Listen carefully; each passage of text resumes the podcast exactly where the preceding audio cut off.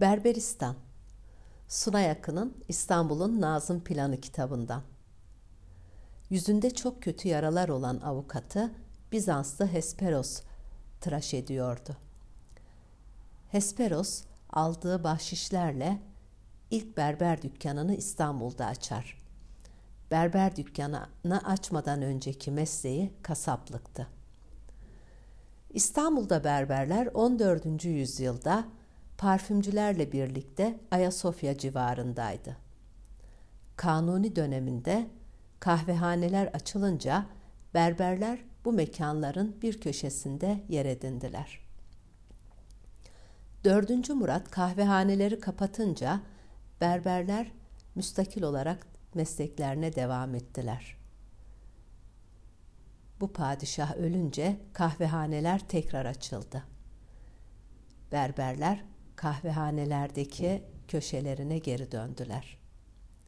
İkinci Mahmut 1826'da Yeniçeri Ocağı'nı kapatınca kahvehanelerdeki berberler de çıkarıldılar. Kahvehanelerin birçoğu Yeniçerilere aitti. Berberler aynı zamanda dişçiydi. Diş çekiminde bilgi sahibi olanlara sarayın başhekimi tarafından izin belgesi verilirdi. Berberler aynı zamanda sünnetçiydi.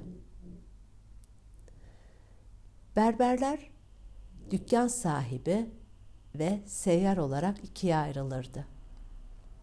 Seyyar berberler duvar diplerinde, köşe başlarında, cami avlularında çalışırlardı. Tabi seyyar berberlerin tıraşı bitirip bitiremeyecekleri şüpheliydi.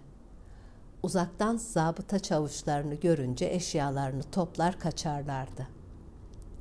İşte tası tarağı toplamak deyimi günümüze o berberlerden miras kalmıştır. Berberler aynı zamanda sünnetçiydi. Berberler işlerini iyi şekilde yapmaya çalışırlardı. Ama dönemin şartları belliydi. Seyyar olanlar Yeni Cami ve Tahta Kale civarındaydı. Bunların yaptıkları tıraşa Yeni Cami işi ve Tahta Kale işi denirdi. Eski İstanbul'da berberlerin kolları sıyrık, ayakları çıplak olurdu.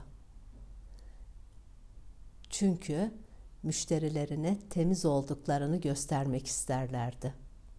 Çıplak ayaklarına nalın giyerlerdi. Batılı anlamda ilk berber dükkanı İstanbul'da 2. Abdülhamit döneminde açılmıştır.